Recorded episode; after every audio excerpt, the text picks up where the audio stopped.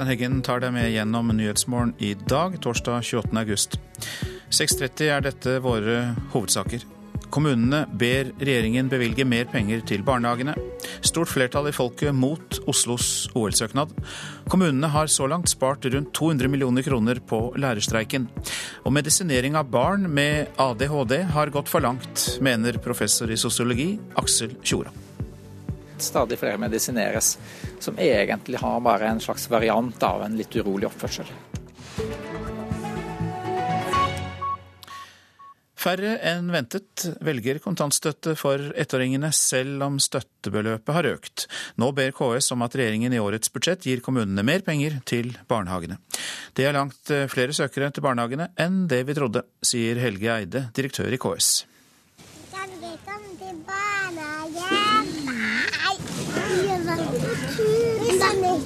Å ha de små i barnehagen har blitt en rett, men også en selvfølge blant småbarnsforeldre. Også ettåringene sendes i barnehage, og kontantstøtten taper popularitet. Selv om regjeringen økte kontantstøtten for nettopp ettåringer.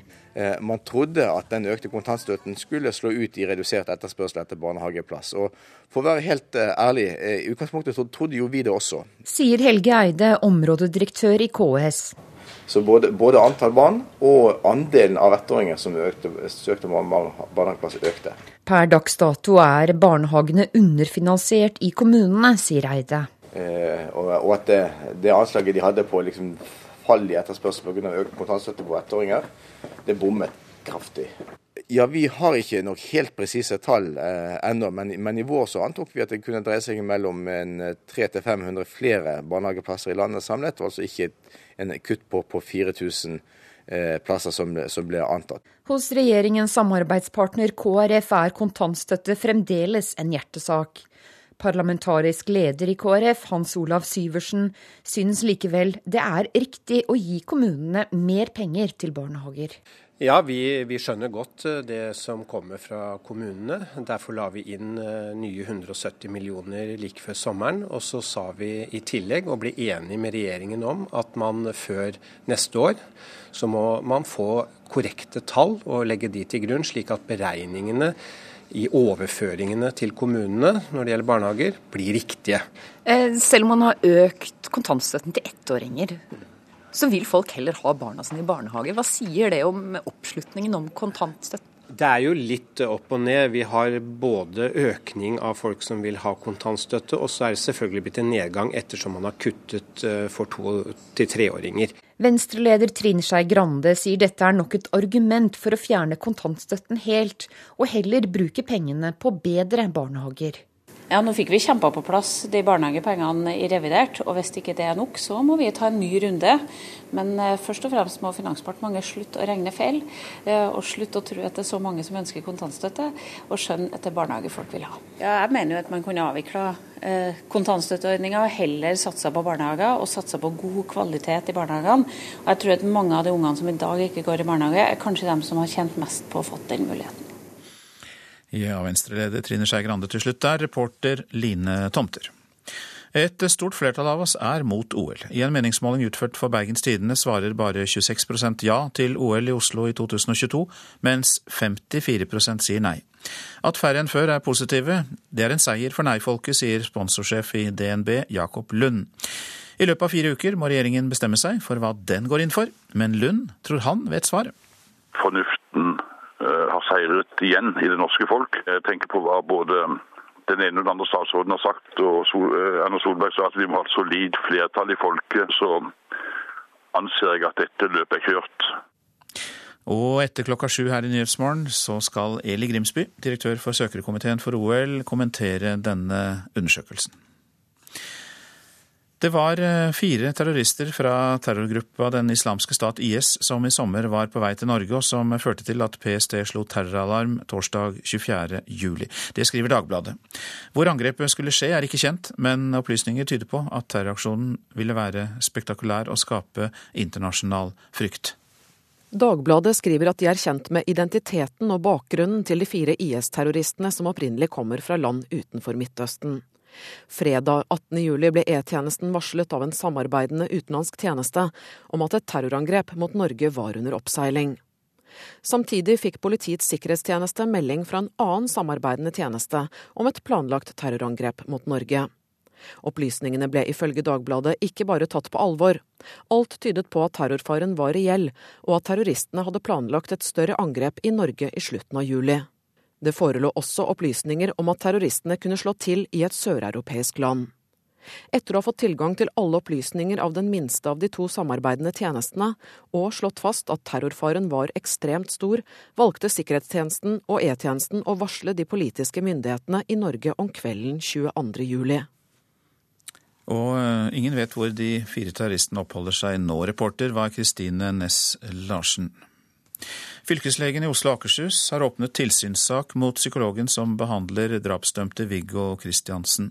Psykologen mener Kristiansen er uskyldig i Baneheia-drapene, og må svare på hvordan eh, han da kan mene dette og samtidig behandle Kristiansen.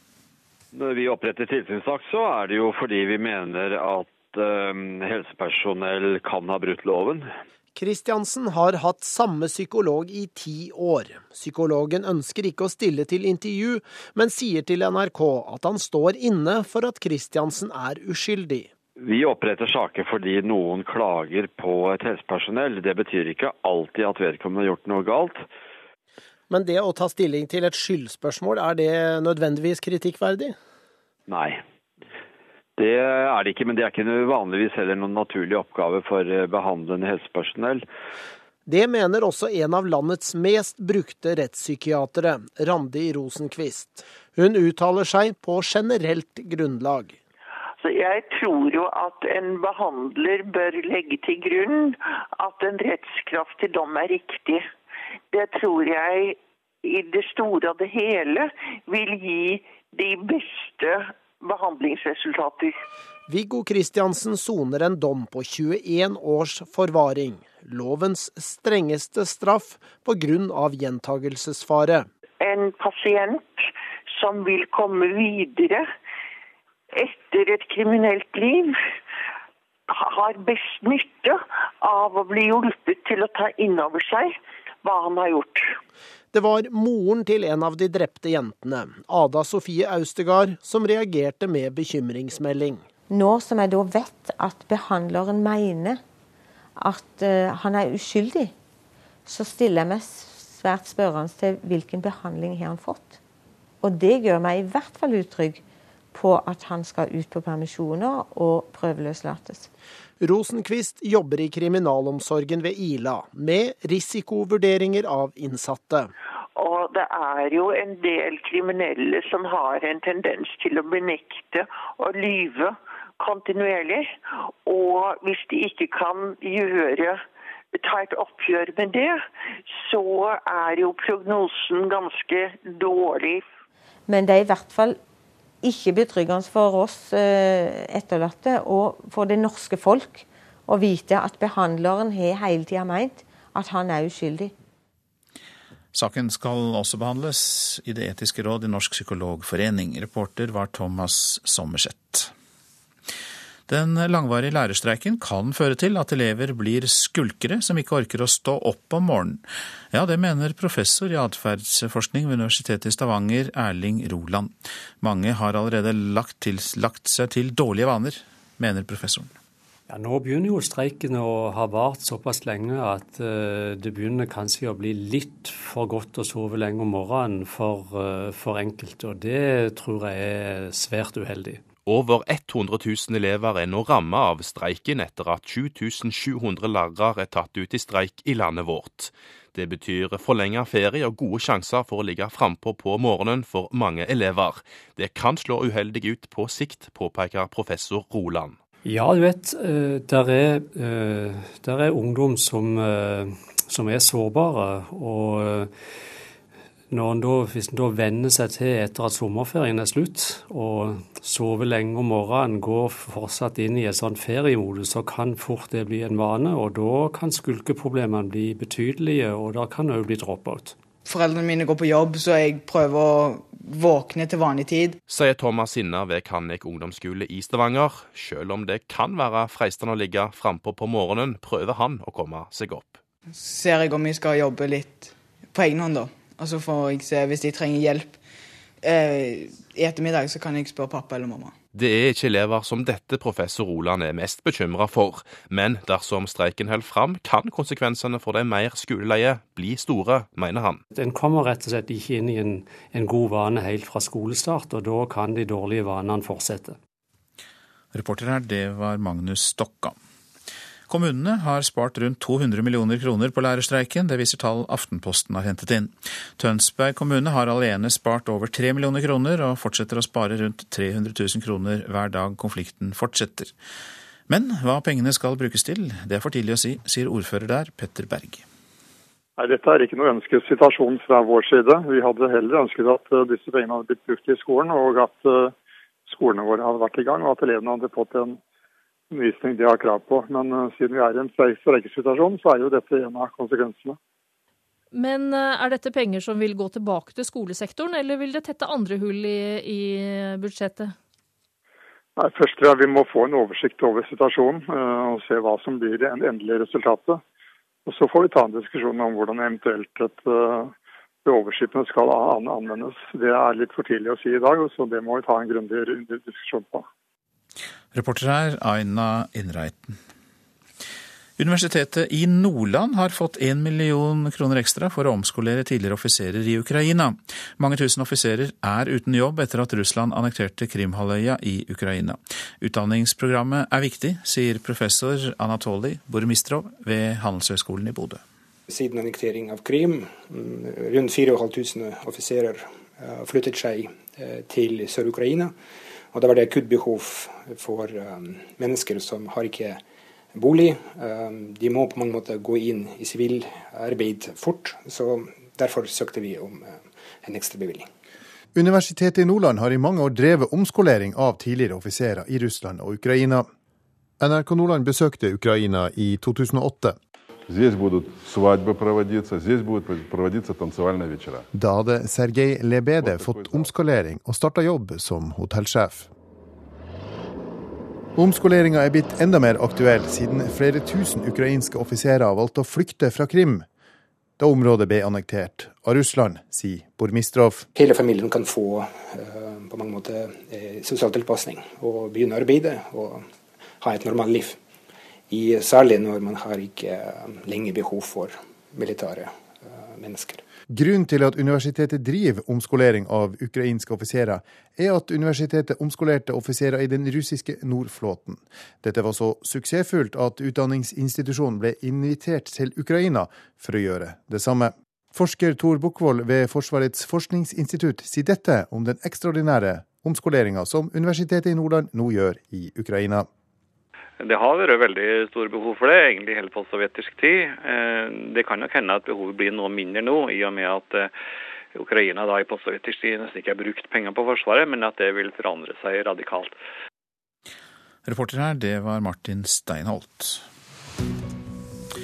Så var det det avisene er opptatt av i dag.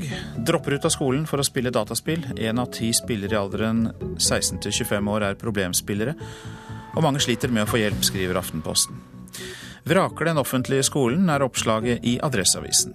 Bare to av årets 18 førsteklassinger i en skolekrets i Meldal kommune velger offentlig skole. Etter at Grendeskolen ble nedlagt, har de valgt Montessori-skolen isteden. Dermed mister kommunen mellom 4 og 5 millioner kroner i rammeoverføringer fra staten. Kreftforskning i verdensklasse er oppslaget i Fedrelandsvennen. Det anerkjente New England Journal of Medicine omtaler forsøk med tykktarmscreening ved Sørlandets sykehus, som har redusert kreftfare og dødelighet for mange nordmenn. Man er mye mer enn karakterene, sier Christian Monsen Røkke til Dagens Næringsliv. Kjell Inge Røkkes 31 år gamle sønn har gått gradene fra rørlegger via økonomistudier i Norge, Storbritannia og USA til toppjobb i Aker Philadelphia Shipyard. Han eh, portretteres sammen med andre unge nordmenn som har gjort karriere i utlandet. Oljepenger til kutt i skatt. Norges aller rikeste ligger an til å få saftige skattekutt. Det er oppslaget i Klassekampen. NHO mener at oljeformuen kan brukes til å finansiere kutt i formuesskatten. Kyllingbønder får svi, kan vi lese i Nasjonen. Mange har investert i kyllinghus, men nå er det stor overproduksjon, og mange må redusere produksjonen og taper dermed stort. Saltsjokk leser vi om i Bergensavisen. Et brød og en pose peanøtter illustrerer at brød kan ha større andel salt enn peanøtter. Saltkilder avisa advarer mot er posesupper, sauser, ferdigmat, brød og mange kjøttprodukter. Snudde skuta og fikk suksess. Vårt Land forteller at Sjømannskirken seiler videre, men den opprinnelige målgruppen er nesten borte. Sjømannskirken har nå virksomhet i 80 land i alle verdensdeler, og har 200 ansatte. Kombinert er den eneste olympiske idretten der kvinner ikke konkurrerer. Det vil eh, Det internasjonale skiforbundet endre på, og håper allerede til vinteren å arrangere det første kombinert-rennet for eh, kvinner. Og eh, det forteller koordinator for kombinert, Lasse Ottesen, mer om. Gjennom et godt samarbeid med de forskjellige skiforbundene og gjennom vår komité, så har vi gjort en del undersøkelser og funnet ut at vi har mange jenter som ønsker å drive med kombinert. og Da er det jo ikke minst viktig at vi fra FIS har et satsingsområde der og kan tilby internasjonale konkurranser når jentene er på i en viss alder og et visst nivå. Et ungt, ferskt landslag satte seg i går på flyet til Tyskland. Fredag denne uka arrangeres den første internasjonale konkurransen i kombinert for kvinner på plast. 40 jenter fra ni nasjoner stiller til start. For 15 år gamle Hanna var det ekstra inspirerende å bli tatt ut på landslaget. Det her betyr alt for det. Og videreutviklinga nå, det sier mye for hvordan det blir. Så det er opp til FIS hvor raskt utviklinga går. Ottesen i FIS håper nivået vil vise at jentene fortjener å konkurrere internasjonalt. Den langsiktige målsetningen er å få jentene våre inn i junior-VM, i uh, ungdoms-OL og, og, selvfølgelig også VM og OL uh, fram i tid. Flere av utøverne understreker at de trenger å konkurrere internasjonalt som en gulrot for å fortsette med sporten.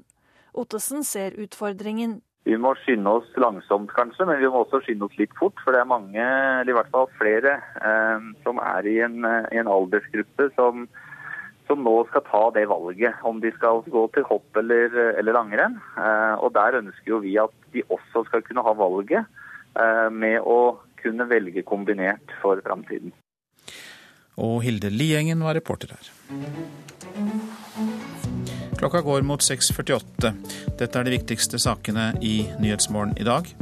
Kommunene ber regjeringen bevilge mer penger til barnehagene. Det er langt flere søkere til barnehagene enn tidligere antatt.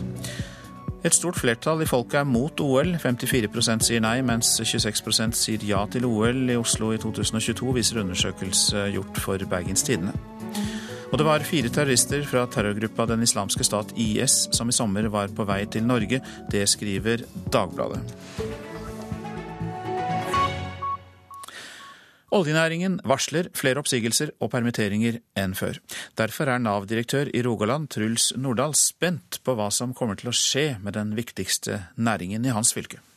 Nå når eh, antall oljeprosjekter blir lavere, så ser det òg ut som de som driver med vedlikehold, får mindre å gjøre. I løpet av juli var det fem selskap innen olje- og gassektoren i Rogaland som varsla Nav om at de hadde planer om nedskjæringer. Om lag 200 årsverk risikerer oppseiing, medan om lag 50 andre kan bli permitterte. Så det er noe mer enn vi er vant med. Bedrifter som har planer om å kvitte seg med ti eller flere ansatte, må varsle Nav minst én måned på førehånd. Og det er disse varslene direktør Nordahl forteller om nå. I den store sammenhengen er ikke dette skremmende tall, men tallene kan øke når han får oppdateringer for august måned. Og det er spesielt smitteeffekten han er redd for. Dras det hardere i håndbrekket enn vi kanskje har trodd, så er det klart at eh, vi kan måtte se større tall. Eh, og så er det nok sånn at eh, olje- og gassektoren har nok stor sånn psykologisk smitteeffekt på andre bransjer. Skjer det noe der, så vil det ofte skje noe i alle andre bransjer. Og det er veldig spesielt for olje og gass i dette fylket. Reporter, det var Ingvald Nordmark. Medisinering av barn med ADHD har gått for langt, mener NTNU-professor i sosiologi Aksel Tjora. Han sier dagens praksis innebærer sykeliggjøring av helt normal atferd. Agendaen min er på en måte at man må se litt her på det som er i ferd med å skje. At stadig flere medisineres som egentlig har bare en slags variant av en litt urolig oppførsel.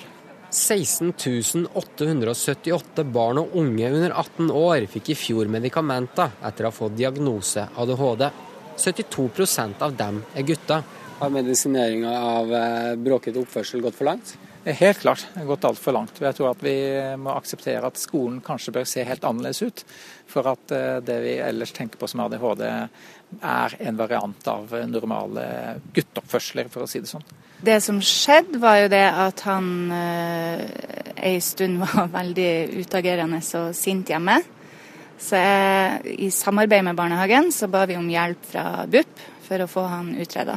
Jeg syns han ble diagnostisert veldig fort. De møtte han én gang, og i tillegg så hadde de observert han én gang i barnehagen.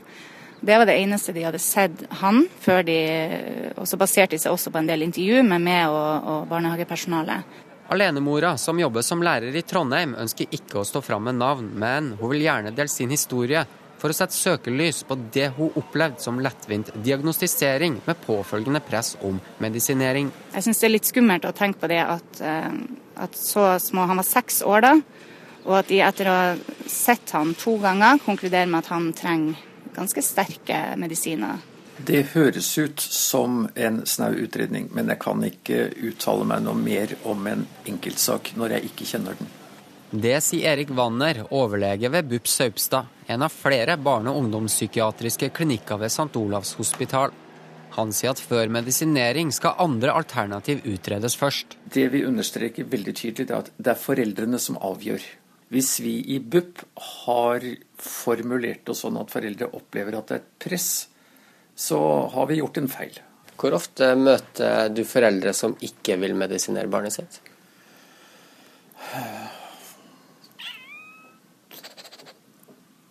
Tja. Hvis jeg sier én av ti, omtrent. Gutten som nå er ni år, ble aldri medisinert, og er i dag en vanlig gutt som fungerer bra på skole og hjemme. Mammaen er glad hun sa nei til medisin. Jeg er superfornøyd med det. Jeg tenker mye på alle de små ungene i dag som veldig mulig ikke trenger det. Hvordan opplevde du presset? Det var tøft. Da var det veldig tøft. Og vi hadde jo nettopp, hadde nettopp gjennomgått et, et samlivsbrudd, og jeg tror jo mye av de reaksjonene hos, hos sønnen min kom pga. det samlivsbruddet. Eh, noe BUP for øvrig overhodet ikke tok med i, i beregninga når de skulle utrede den. Eh, du får veldig dårlig samvittighet da, for at du føler hele tida at de fagfolkene som kan det her, syns at du gjør en dårlig jobb som mor når du ikke følger deres råd om å, om å gi han medisiner. Mm. Jeg hadde, heldigvis hadde jeg støtte fra, fra, læreren til gutten min på det tidspunktet også, som heller ikke mente at han, at han trengte medisiner. Hun var jo med på, var med på to av de møtene med BUP, og jeg så jo at hun også blir, blir irritert altså, fordi at det spørsmålet om medisinering hele tida kommer opp. Denne reportasjen var laget av Gjøte Toftaker. Har norsk mediedekning av Gaza-krigen i sommer vært balansert nok? Det er tema nå, og det var tema i går i en debatt på Litteraturhuset i Oslo. Og når hun da får beskjed at det stemmer ikke, så nekter hun å rette det. Det ble en debatt med et engasjert panel, og ikke minst et engasjert publikum.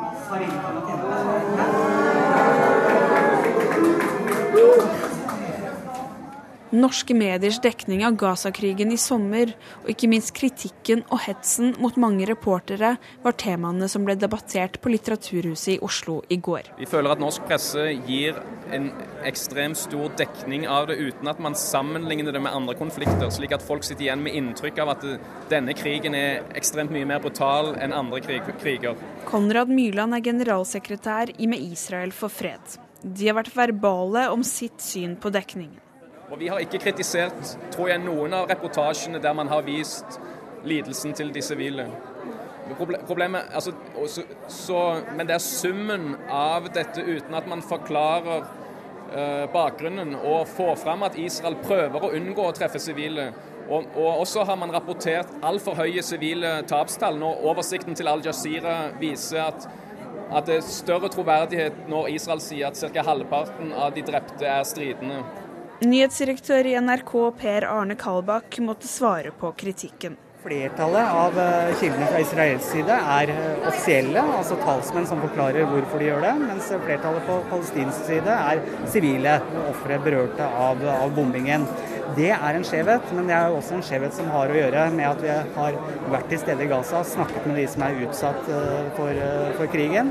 Mens vi selvfølgelig naturlig nok vil ha en balanse og høre hvorfor, hvordan Israel forklarer krigens handlinger, og hvorfor de har fortsatt krigføringen. Også Håkon Borud, som er nyhetsredaktør i Aftenposten, svarte for hvorfor dekningen har vært som den har vært. Eh, de som er i Gaza, er, dekker en krigssone eh, og er nødvendigvis der hvor det er mest lidelse. Eh, og mest lidelse har det vært i Gaza og ikke på israelsk side. På den måten så blir det nødvendigvis en skjevhet i dekningen, for den speiler en krig, og krig er voldelig og Eh, og forferdelig. Lenge så var det veldig uklart hvem som sto bak de drapene. Fordi, kan ikke jeg få si noe nå? En het debatt som ikke helt er over. I dag behandler Kringkastingsrådet NRKs dekning av konflikten i sommer. Det sa reporter Siran Øsalp Gildrim. Jan og Per må gi tapt, ja, for nå er det Mohammed som stikker av med seieren i Oslo. For første gang er Mohammed det mest brukte navnet på gutter og menn i hovedstaden. Jeg eh, kjenner altså fetteren min, som heter Mohammed. Um, onkelen min heter Mohammed. Pappaen min heter jo Mohammed. Broren til mamma. Kjenner uh, han i klassen til Louis. Uh, han som jobbet på SFO før. Og naboen vår. Det er mange som kjenner noen som heter Mohammed, og det er jo ikke så rart. For første gang er Mohammed det navnet som flest menn og gutter i Oslo har. Hele 4801 heter Mohammed, eller varianter av Mohammed til fornavn. Navnet har dermed passert både Jan og Per, som lenge har ligget på topp. Det betyr den som er æret, kan man si. Professor i arabisk ved Universitetet i Oslo, Gunvor Medhjell, forteller at det er profeten Mohammed som er grunnen til at mange muslimske foreldre ønsker at sine barn skal hete nettopp det. Mohammed er den fremste av alle, det store idolet, den store, den, den store modellen for en, en riktig livsførsel.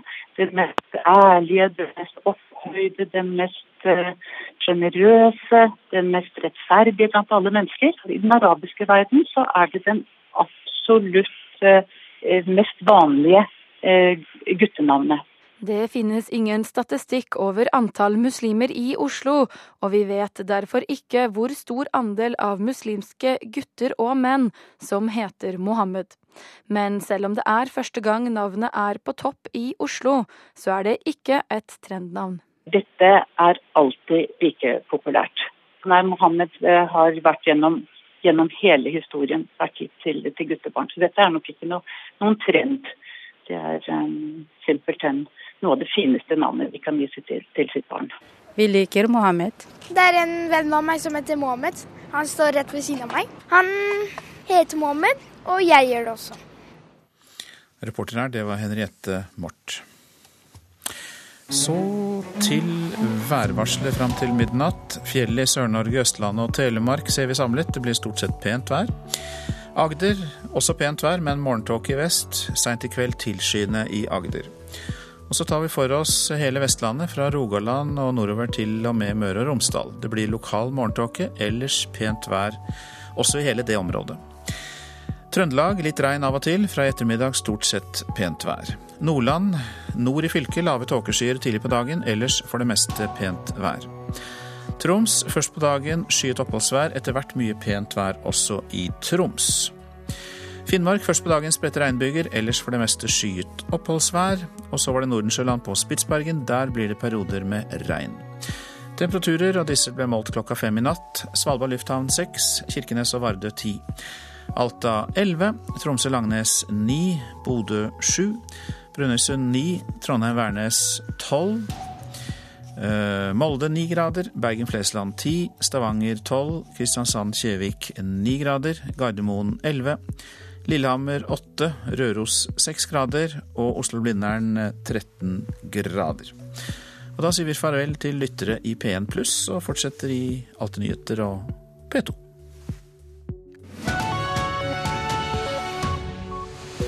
Her i Nyhetsmorgen tar vi for oss disse sakene den neste halvtimen. Huseiere skremt av forslag om nytt register over alle endringer som blir gjort i huset.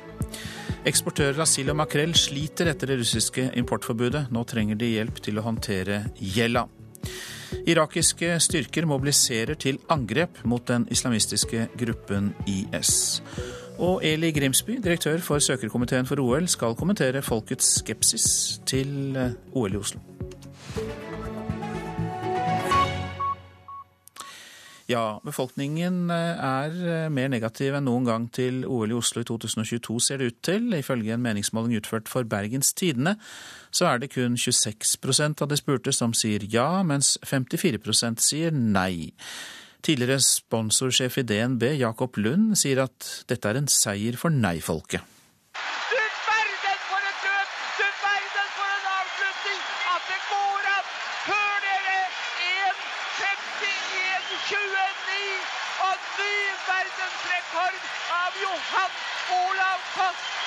Gullmedaljer og verdensrekorder av norske utøvere på norsk jord under OL på Lillehammer i 1994.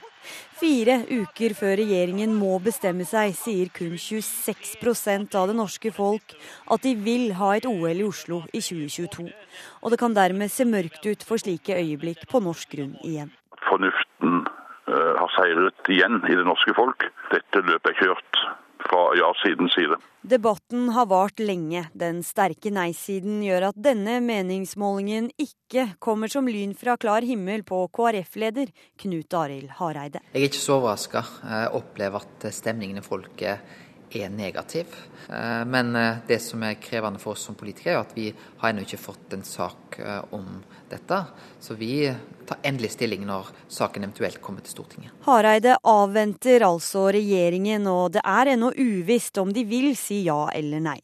Men NRK kjenner til at selv flere av OL-entusiastene i Høyre har begynt å tvile på et OL i Oslo i 2022. Idrettsforbundet har jobbet på spreng hele sommeren for å snu den negative vinden, men har, hvis vi skal tro Bergens Tidenes nye meningsmåling, altså ikke lyktes.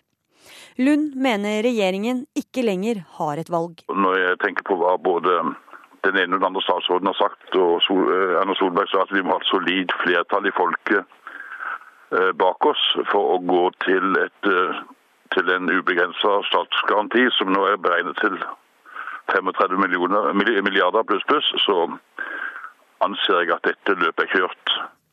Reporter Anna Rydland Nærum. Og god morgen til deg, Eli Grimsby. Takk. Du er direktør for søkerkomiteen for Oslo-OL i 2022. Ja, er løpet kjørt? Det tror vi ikke. Vi vet at meningsmålinger er et øyeblikksbilde. Det er viktig å lytte til hva meningsmålingene sier. Og samtidig så ser vi jo at meningsmålingene varierer. Vi har også foretatt meningsmålinger nå i august, og våre tall er litt annerledes enn det man, man fikk i dag fra BT. Men så, sånn vil det være. Det vi måler, det er et øyeblikksbilde, og det vil kunne være variasjoner. Hva forteller ditt øyeblikksbilde da, fra den målingen dere har gjort? Ja, Det vi ser, det er at uh, de tallene vi så i juni, hvor ca. 35% er for, uh, det ser vi også nå i august. Litt lavere, men vi ser samtidig at uh, Andelen nei, som vi da i juni så for første gang var rett under 50% den holder seg i våre målinger stabilt der. Vi har spurt eh, ca. 2000 eh, respondenter, eh, og til sammen så, så, ser vi at resultatene gjennom sommeren da holder seg på samme nivå som, som i juni. Men likevel, det er jo da skepsis som dominerer i majoriteten blant oss. Og hvordan vil dere jobbe for å endre det? Ja, jeg, jeg, tror vi må ha stor respekt for at dette er et komplisert prosjekt. Det er store kostnader. Eh, og, og, det norske folk det er et folk som liker å debattere, og det er naturlig å være skeptisk og kritisk til eh, et prosjekt som, eh, som har så høye tall. Men dere, vil vel, unnskyld, men dere vil vel endre på holdningene, så hvordan skal det skje? Vi ønsker at flere skal, skal støtte opp om og støtte vårt, vårt konsept og vår søknad. Og vi vet at det er et potensial. Vi vet at 80% av oss ønsker OL til Norge. Vi tror det er viktig å, å, informere. Vi tror det er viktig å ta debattene.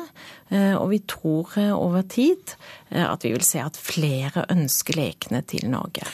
Ja, vi får se. Men eh, hvordan jobber dere overfor regjeringen for å få fram deres syn? For det er jo like før regjeringen skal ta et eh, standpunkt her. Vi har jo sendt vår søknad til kulturministeren. Eh, og vi har, vi har også fått kvalitetssikret vår søknad. Så dokumentene er jo klart til stede i forhold til politikerne og beslutningstakerne. Samtidig så er vi villige til å stille opp når som helst for de som måtte ønske å få mer informasjon eller stille oss spørsmål. Eli Grimsby, du stiller opp når som helst for å informere. Du, du er, det har du nettopp gjort her også. Takk skal du ha. Direktør for søkerkomiteen for Oslo-OL i 2022. Eh, Takk skal du ha. Takk. Nå skal vi høre at nevenyttige huseiere blir mistenkeliggjort hvis et forslag fra byggebransjen blir gjennomført. Det mener i hvert fall Huseiernes Landsforbund. Forslaget innebærer at nesten alt som blir gjort med boligen din, skal registreres i et sentralt register. Og det skal forhindre, forhindre ulovlig virksomhet i byggebransjen. Men forslaget blir ikke godt mottatt av Jan Uggerud, som har bygd mye av huset sitt selv på Lillestrøm. Og Hver kveld i en toårsperiode så var jeg på bygg og jobbet. Noe som selvfølgelig gjorde at jeg kunne sette opp et bygg eh, til en mye lavere kostnad enn det man eh, ville fått hvis man skulle kjøpt det nøkkelferdig. Han Jan Uggerud er en typisk sjølbygger. Med elektrobakgrunn har han selvfølgelig gjort elektrikerarbeidet sjøl i huset sitt på Lillestrøm. Men han setter òg opp grunnmuren, og har gjort mye annet i huset òg. Å støype, mure, snekre og male i sitt eget hus har lange tradisjoner her i landet. Det gjør prisen mer overkommelig, men det har òg en annen verdi, mener Jan Uggerud. En enorm tilfredsstillelse når man da er ferdig og vet at dette har man lagt hele sin sjel i. og og her kan man da bo lenge og vite at dette, en del av seg selv ligger i huset, og at kostnadene da også blir lavere. Men nå syns han og andre nevenyttige huseiere at forslaget fra byggebransjen lager mørke skyer i horisonten. På oppdrag fra Kommunaldepartementet foreslo nemlig et utvalg i forrige uke at alt som gjøres i en bolig for mer enn en halv gang grunnbeløpet i folketrygda, dvs. Si alt over 44 000 kroner inkludert merverdiavgift, skal inn i et sentralt register. Men alt, også for mindre beløp, som innebærer endring av konstruksjon, brann, lyd, klimaskall og våtrom, skal registreres. Det er bra, mener utvalgslederen Jon Sandnes fra Byggenæringens Landsforening. Dette vil være med å trygge kjøp og salg av boliger. For hvis da den som eier boligen har fått pusset opp denne boligen på mange områder, så ved å ha registrert disse arbeidene, så har man mulighet til å kunne legge dette direkte inn også i boligsalgsrapporten. Hvis du kjøper en bil, så tror jeg noe av det første du sjekker hvis den er brukt, det er eh, servicehefte. Dette blir på en måte et slags boligens servicehefte. Men Huseiernes Landsforbund mener det her sentrale registeret vil gi myndighetene et nesten skremmende detaljert bilde av folks hus og heim, sier utredningssjef Dag Refling. Alle detaljer for småjobber ned til en halv G. Da begynner det å bli en detaljrikdom som de offentlige myndighetene da skal bruke fritt, som vi eh, reagerer veldig på. Og ikke minst, sier han, vi risikerer at folk ikke lenger tør å gjøre ting sjøl. Jeg ser vel også en fare for at forsikringsbransjen kunne være veldig interessert i dette. Er dette noe du har gjort selv, eller har du brukt en kvalifisert person? Ja, Har du gjort det selv, da snakker vi om avkortninger på forsikringen. Jo, du skal fortsatt kunne gjøre ting sjøl, sier Jon Sandnes i Byggenæringens Landsforening. Altså Hvis du ønsker å gjøre jobben selv, så er det fullt mulig. Da registrerer du det, gjort det selv. Det skal ikke være noe forbudt å gjøre det, men da vet du som kjøper at OK, dette er det selger selv som har gjort. Reportere her Sindre Heyerdahl og Silje Steinnes Bjerknes. Lakseprodusentene har klart seg ganske bra etter Russlands importforbud mot norsk fisk. Langt tøffere har det blitt for eksportører av sild og makrell. Nå tilbyr en av de norske storbankene hjelp, slik at sjømatbedriftene kan håndtere lånene sine. Familiebedriften Brødrene Sperre utenfor Ålesund er blant de som rammes. Her eh, kommer eh, fisken fra tinetankene, og så blir den flekt, altså ryggbeinet blir fjerna. Kvalitetsleder Lene Risbakk følger nøye med på sildas ferd gjennom produksjonsanlegget på Ellingsøy. Her sløyes, skylles, saltes og lagres tonnevis med fisk. Jeg kommer ut der. Men nå har det anspente forholdet mellom Russland og Vesten ført til at vår store østlige nabo forbyr import av norsk fisk. Dermed hoper fisken seg opp her i lagrene til brødrene Sperre. Vi har mye sild på lager, og tapet her er åpenbart. Sier administrerende direktør Inger Marie Sperre. Det, det russiske markedet er et stort marked for norsk eh, sild. Så det er klart at det at det russiske markedet forsvinner over natta, har stor betydning for, eh, for norske produsenter av, eh, av frossensild. Et kronetap tror jeg vi ser for alle de eksportørene som har varer produsert for det russiske markedet på lager når, eh, når krisa starter. Familiebedriften kan fort tape millioner av kroner på importforbudet. Likevel vil den klare seg, sier Sperre. Nei, Vi har ikke tatt på oss større risiko med dette her enn at vi kan klare å håndtere det. Like fullt, i en av verdens største fiskeribanker følger de utviklingen tett. Her er DNBs sjef for sjømat, Anne Wistendal. At det kan bli noe likviditetsutfordringer for noen aktører i høst, det forventer vi. DNB påpeker at lakseselskapene ikke er særlig rammet av Russlands fiskestopp. Men de som eksporterer såkalt pelagisk fisk, som sild, makrell og brisling, har over natten mistet opptil en tredel av eksportmarkedet sitt. Nå står banken klar til å hjelpe.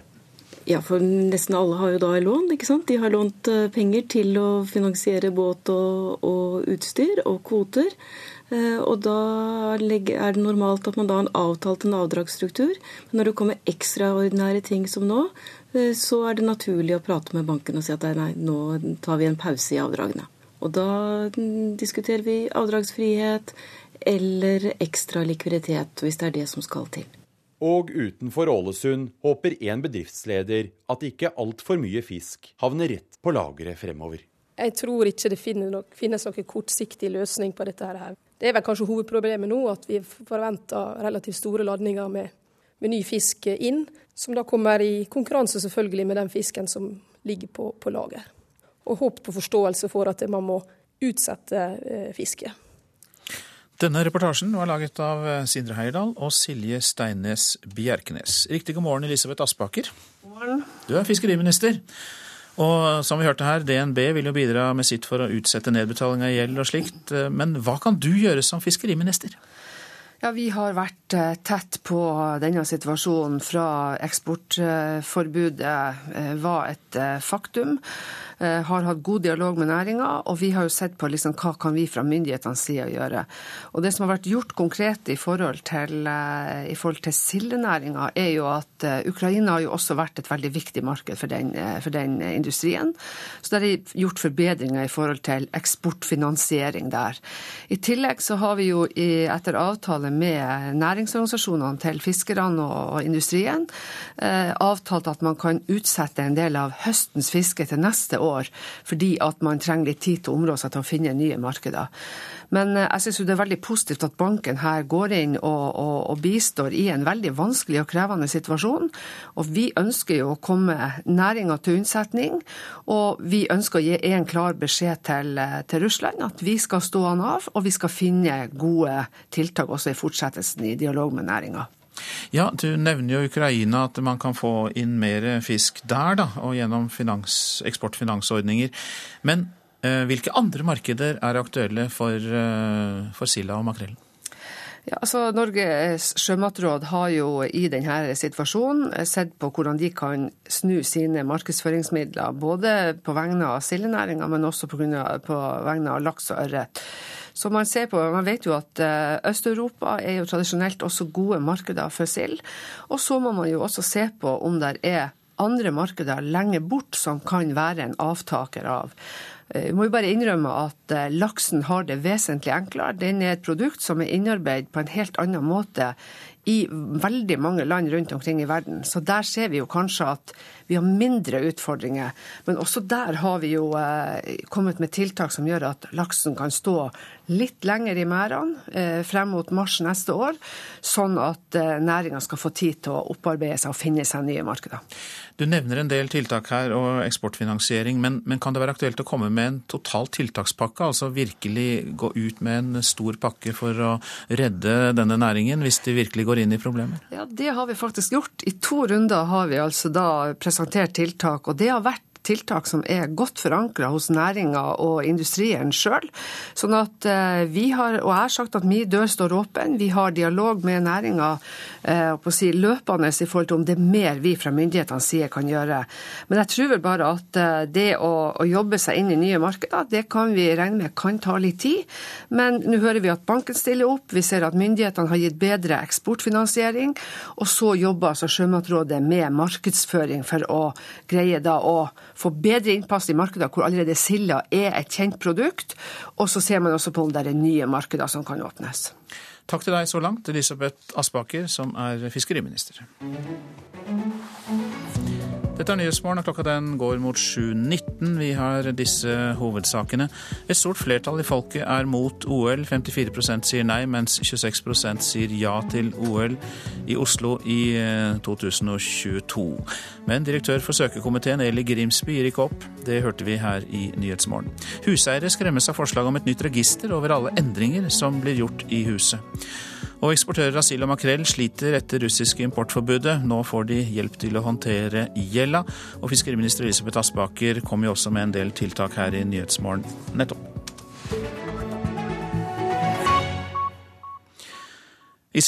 Irakiske styrker mobiliserer nå til et angrep mot den islamistiske gruppen IS. Målet er å ta tilbake kontrollen over byen Amerli nord i Irak, der bl.a. FN har vært redd for at IS skal gjennomføre en massakre på lokalbefolkningen.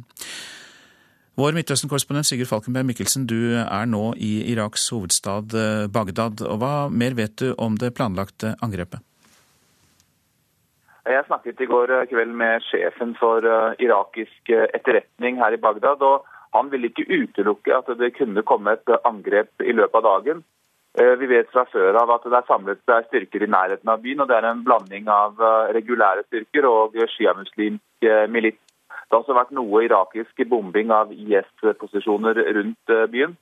Men om de vil lykkes med å bryte denne beleiringen, det er fortsatt et åpent spørsmål. Den har vart i to måneder nå. Vet du noe mer om situasjonen i denne byen? Den er eh, uhyre vanskelig. Eh, jeg var i kontakt med noen av de som er innesperret der for noen dager siden. Eh, og Da beskrev de en desperat situasjon. De hadde måttet forsvare seg alene. Hadde ingen mulighet til å slippe ut, og det var lite med mat og vann. De overlevde på det de kunne få inn via helikopter, men det var ikke nok. Eh, det er et sted mellom 12 og 18 000 mennesker der inne. Dette er eh, sjiamuslimske eh, turkmenere. Og Ikke alle disse kommer fra byen opprinnelig, men er fordrevet fra området og har søkt tilflukt der inne. Sånn at det er, en, det er en veldig presset situasjon. Og da, med da jevnlige angrep. Det var det også i går, fikk jeg rapporter om. At det var et nytt angrep fra IS som bl.a. hadde såret en aktivist som jobber i byen. Og Hvor sterke er da de irakiske troppene som nå eh, mobiliseres, eh, sammenlignet med IS-styrkene? Det er litt vanskelig å foreta en presis vurdering av, eh, av styrkeforholdet akkurat der ute. Men så langt så har vi i hvert fall sett at IS har vært en mye bedre offensiv styrke. Helt annen motivasjon. De er bedre trent. Mange av de har jo erfaring fra Syria. Og de har også en bedre organiseringsevne. Og så har de også vært bedre i stand til å benytte seg av det utstyret, eh, sånn at de er overlegne på utstyrsfronten, selv om de faktisk har stjålet mye av dette utstyret fra de, den irakiske regulære hæren. Eh, De har ikke klart å stå imot, og de har ikke engang vært i stand til å ta tilbake Fallujah, som ligger bare en drøy times kjøring her fra Bagdad. Den har IS og allierte holdt eh, siden januar. Men vi ser at når de nærmer seg Bagdad, så blir motstanden eh, sterkere. og IS har ikke klart å rykke inn her.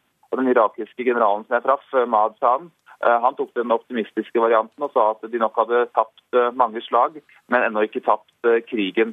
Men han understreket også behovet for amerikansk luftstøtte, slik som kurderne har fått. Takk skal du ha, Sigurd Falkenberg Mikkelsen, vår korrespondent i Midtøsten, som altså rapporterte fra Bagdad nå. Vi vender oss mot en eh, annen konflikt som har opptatt nyhetsbildet en god stund nå. Ukraina hevder myndighetene at russiske stridsvogner og soldater har krysset grensen inn i Ukraina, og at russerne har opprettet en militærbase øst i Ukraina. Moskva-korrespondent eh, Morten Jentoft, eh, kan vi stole på disse opplysningene? Ja, eh, Meldingene nå i morgentimene er ganske entydige på at eh, store eh, troppestyrker eh, Man sier at det er russiske Russerne sier jo ofte at det er separatister som har eh, fått eh, kan du si, Eller kanskje som har vært på trening inne i Russland, som har vendt tilbake igjen. men disse skal nå stå 40 km inne på ukrainsk territorium. Og Jeg prøvde å lese forskjellige kilder nå i dag tidlig. og det er ganske ganske entydig at det nå pågår da en større militær operasjon, et motangrep fra separatistene sin side, støttet av russiske styrker.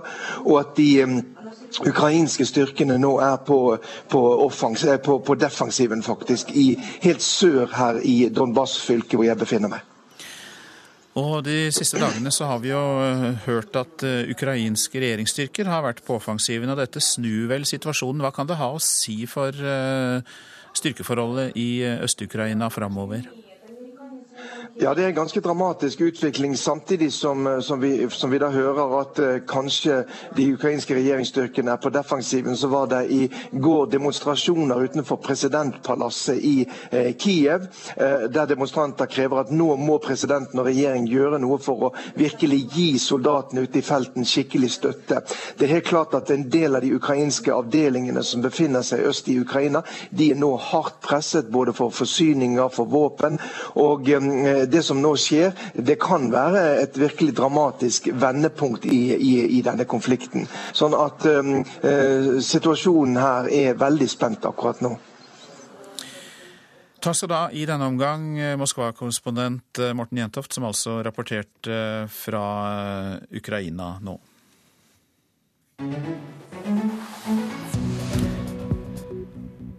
Så til det avisene er eh, opptatt av i dag. Dropper ut av skolen for å spille dataspill. Én av ti spillere i alderen 16 til 25 år er problemspillere, og mange sliter med å få hjelp, skriver Aftenposten. Vraker den offentlige skolen, er oppslaget i Adresseavisen. Bare to av årets 18 eh, førsteklassinger i en skolekrets i Meldal kommune velger offentlig skole. Etter at Grendeskolen ble nedlagt, har de valgt Montessori-skole skolen. Dermed mister kommunen mellom 4 og 5 millioner kroner i rammeoverføringer. Kreftforskning i verdensklasse er oppslaget i Fedrelandsvennen. Det anerkjente New England Journal of Medicine omtaler forsøk med tykktarmscreening ved Sørlandets sykehus, som har redusert kreftfare og dødelighet for mange nordmenn. Man er mye mer enn karakterene, ja det sier Christian Monsen Røkke til Dagens Næringsliv. Kjell Inge Røkkes 31 år gamle sønn har gått gradene fra rørlegger via økonomistudier til toppjobb i Aker Philadelphia Shipyard i USA, og han portretteres sammen med andre unge nordmenn som har gjort karriere i utlandet. Oljepenger til kutt i skatt. Norges aller rikeste ligger an til å få saftige skattekutt, er oppslaget i Klassekampen. NHO mener at oljeformuen kan brukes til å finansiere kutt i formuesskatt. Kyllingbøndene får svi, kan vi lese i Nasjonen. Mange har investert i store kyllinghus, men nå er det overproduksjon. Og eh, mange bønder må redusere produksjonen og taper dermed stort. Saltsjokk kan vi lese om i Bergensavisen. Et brød og en pose peanøtter illustrerer at brød kan ha en større andel salt enn peanøtter. Saltkilder avisa advarer mot er posesupper, sauser, ferdigmat, brød og mange kjøttprodukter snudde skuta og fikk suksess. Vårt Land forteller at Sjømannskirken seiler videre, men den opprinnelige målgruppen er nesten borte. Sjømannskirken har nå virksomhet i 80 land i alle verdensdeler og har 200 ansatte.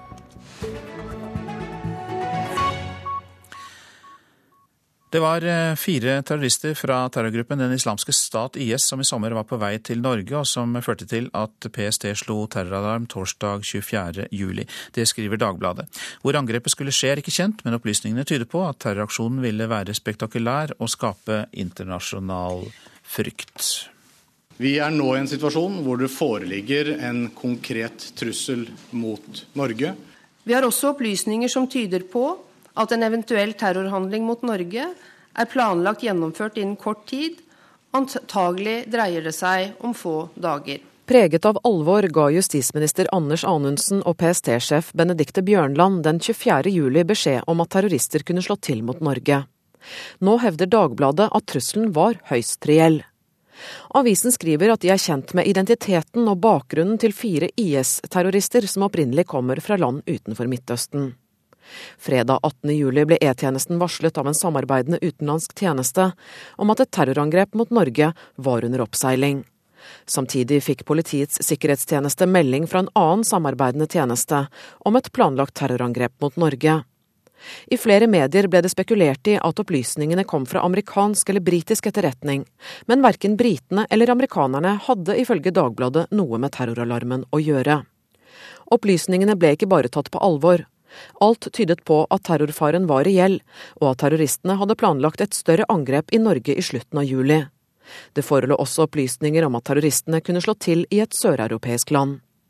Etter å ha fått tilgang til alle opplysninger av den minste av de to samarbeidende tjenestene, og slått fast at terrorfaren var ekstremt stor, valgte sikkerhetstjenesten og E-tjenesten å varsle de politiske myndighetene i Norge om kvelden 22. juli. Etter sist å ha blitt sett på den internasjonale flyplassen i Aten i midten av juli, er det ingen som nå vet hvor de fire mennene oppholder seg.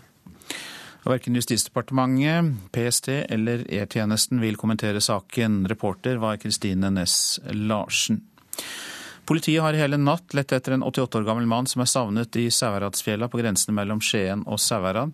88-åringen ble meldt savnet etter en fottur i går kveld. Det er søkt med helikopter, hunder og mannskap fra Røde Kors. Politiet bruker også dykkere i eh, søket. Du lytter til eh, Nyhetsmorgen. Produsent i dag er Vidar Eidhammer. Her i studio Øystein Heggen.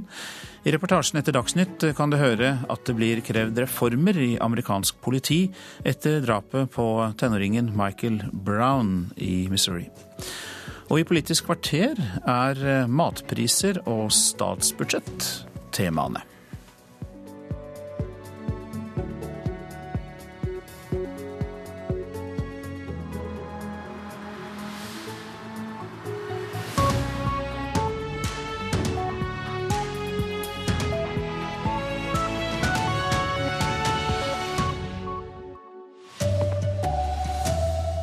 Huseiere er skremt over forslag om at nesten alt du gjør selv i boligen skal registreres. OL i Oslo fenger ikke, viser ny undersøkelse. Bare én av fire sier ja. Ikke Per, ikke Jan, men Mohammed er nå navnet på de fleste gutter og menn i hovedstaden. Her er NRK Dagsnytt, klokka er 7.30. Huseierne frykter myndighetene skal ta seg helt inn i stuene til folk, i sin iver etter å bekjempe svart arbeid og useriøse byggefirmaer. Et utvalg nedsatt av byggebransjen foreslår at nesten alt du gjør med huset ditt, skal inn i et register som myndighetene har tilgang til. Dette kommer til å ødelegge gleden over å gjøre ting selv, sier utredningssjef Dag Refling i Huseiernes Landsforbund. Altså Hvis det kreves da at du skal registrere enhver aktivitet i hjemmet og legge det inn i dette registeret, så blir jo folk livredde for å sette inn en spiker i veggen. Det var Kommunaldepartementet som ba byggebransjen om forslag for å bekjempe svart arbeid og annen ulovlig virksomhet i bransjen. Hensikten er god, mener Huseiernes Landsforbund, men et register over nesten alt som gjøres med boligen, er å gå for langt. Det vil mistenkeliggjøre det som nevenyttige huseiere gjør i sitt eget hus, mener utredningssjef Dag Refling. Kan ane en liten tendens til at byggebransjen på en måte skal få makten over hva som skal gjøres hjemme hos deg. 250 meter med vann og kloakk. Han Jan Uggerud har bygd mye av huset sitt på Lillestrøm sjøl. Og hver kveld i en toårsperiode så var jeg på bygg og jobbet. Han mener forslaget om ei detaljert registrering av ting som gjøres i et hus, ødelegger gleda ved å klare ting sjøl. Vil skape en skeptisk for å pusse opp og gjøre ting selv, fordi at man føler at noen står over skuldra på deg og ser hva du gjør. Administrerende direktør Jon Sandnes i Byggenæringens Landsforening innrømmer at forslagene går langt inn i stua di, men mener du fortsatt skal ha mulighet til å pusse opp sjøl? Da registrerer du det, gjort det selv. Det skal ikke være noe forbudt å gjøre det, men da vet du som kjøper at OK, dette er det selger selv som har gjort. Dette blir på en måte et slags boligens servicehefte. Reportere her det var Arild Svalbjørg, Lars Håkon Pedersen og Kjartan Røslett. Befolkningen er mer negativ enn noen gang til et OL i Oslo i 2022. En meningsmåling utført for Bergens Tidende viser at bare 26% sier ja til eh, OL. 54% sa utspørringen denne måneden nei. Tidligere sponsorsjef i DNB, Jakob Lund, kaller målingen en seier. Fornuften har seiret igjen i det norske folk. Debatten har vart lenge. Den sterke nei-siden gjør at denne meningsmålingen ikke kommer som lyn fra klar himmel på KrF-leder Knut Arild Hareide. Jeg er ikke så overraska. Jeg opplever at stemningen i folket er negativ. Eh, men eh, det som er krevende for oss som politikere, er at vi har ennå ikke fått en sak eh, om dette. Hareide avventer altså regjeringen, og det er ennå uvisst om de vil si ja eller nei. Men NRK kjenner til at selv flere av OL-entusiastene i Høyre har begynt å tvile på et OL i Oslo i 2022. Idrettsforbundet har jobbet på spreng hele sommeren for å snu den negative vinden, men har, hvis vi skal tro Bergens Tidenes nye meningsmåling, altså ikke lyktes. Lund mener regjeringen ikke lenger har et valg. Når jeg tenker på hva både den ene og den andre statsråden har sagt, og eh, Erna Solberg sa at vi må ha et solid flertall i folket, så anser jeg at dette løpet er kjørt. Reporter Anna Rydland Nærum direktør for søkerkomiteen for Oslo-OL 2022, Eli Grimsby. Hvorfor er folk så negative til et OL i hovedstaden? Et, et, OL er et stort og komplisert prosjekt, og det er langt fram. Eh, jeg syns det er naturlig med en, med en, sunn skepsis. Samtidig så viser målinger som TNS Gallup har gjort, eh, at eh, oppslutningen som vi så før sommeren i juni, på nær 35% den har holdt seg over sommeren. Og jeg tror vi må se på meningsmålinger som et øyeblikksbilde. BT har én måling, Tennis Gallup har en annen måling. 35% er mange, men det er klart vi hadde også ønsket at enda flere skulle støtte opp om søknaden. Et solid flertall, eh, sier Erna Solberg. Hvordan eh, skal dere overbevise mange nok? Jeg tror det er veldig viktig at vi fortsetter arbeidet med å eh, synliggjøre de som allerede er positive. Som sagt 35% det er mange, det er opp mot to millioner nordmenn. Og så vet vi også at det er et betydelig flertall blant de unge. Det er inspirerende for oss. Takk skal du ha, Eli Grimsby. Flere fiskebedrifter får problemer med å betjene lånene sine pga. Russlands importforbud på norsk fisk. Det forventer eh, DNB, som nå vil hjelpe sjømatbedrifter med å takle lånene. Familiebedriften Brødrene Sperre utenfor Ålesund er blant dem som rammes av Russlands importforbud for norsk fisk. Her eh, kommer eh, fisken fra tinetankene, og så blir den flekt, altså ryggbeinet blir fjerna. Kvalitetsleder Lene Risbakk følger nøye med på sildas ferd gjennom produksjonsanlegget på Ellingsøy. Men etter at Russland nylig innførte importforbud på norsk fisk, hoper mye av silda seg opp på lageret hos Brødrene Sperre. Vi har mye sild på lager, og tapet her er åpenbart. Sier administrerende direktør Inger Marie Sperre. Et kronetap tror jeg vi ser for alle de eksportørene som har varer produsert for det russiske markedet på lager når, når krisa starter. Familiebedriften er likevel sikker på at den vil klare seg gjennom krisen. Like fullt, i en av verdens største fiskeribanker følger de utviklingen tett. Her er DNBs sjef for sjømat, Anne Wistendal. At det kan bli noe likviditetsutfordringer for noen aktører i høst, det forventer vi. De som eksporterer såkalt pelagisk fisk, som sild, makrell og brisling, har over natten mistet opptil en tredel av eksportmarkedet sitt. Nå står banken klar til å hjelpe. Ja, for nesten alle har jo da lån. ikke sant? De har lånt eh, penger til å finansiere båt og, og utstyr og kvoter. Og da mm, diskuterer vi avdragsfrihet eller ekstra likviditet, hvis det er det som skal til. Reporter Sindre Heierdal. Jeg ser fortsatt i drømmer. Filmen eh, 'Blind' hører vi fra her. Det er en av tre kandidater eh, som den norske Oscar-komiteen har plukket ut til å konkurrere om en Oscar-statuett. De andre filmene som er med i konkurransen er 1001 gram' og 'Brev til kongen', sier eh, jurymedlem Mode Steinkjer.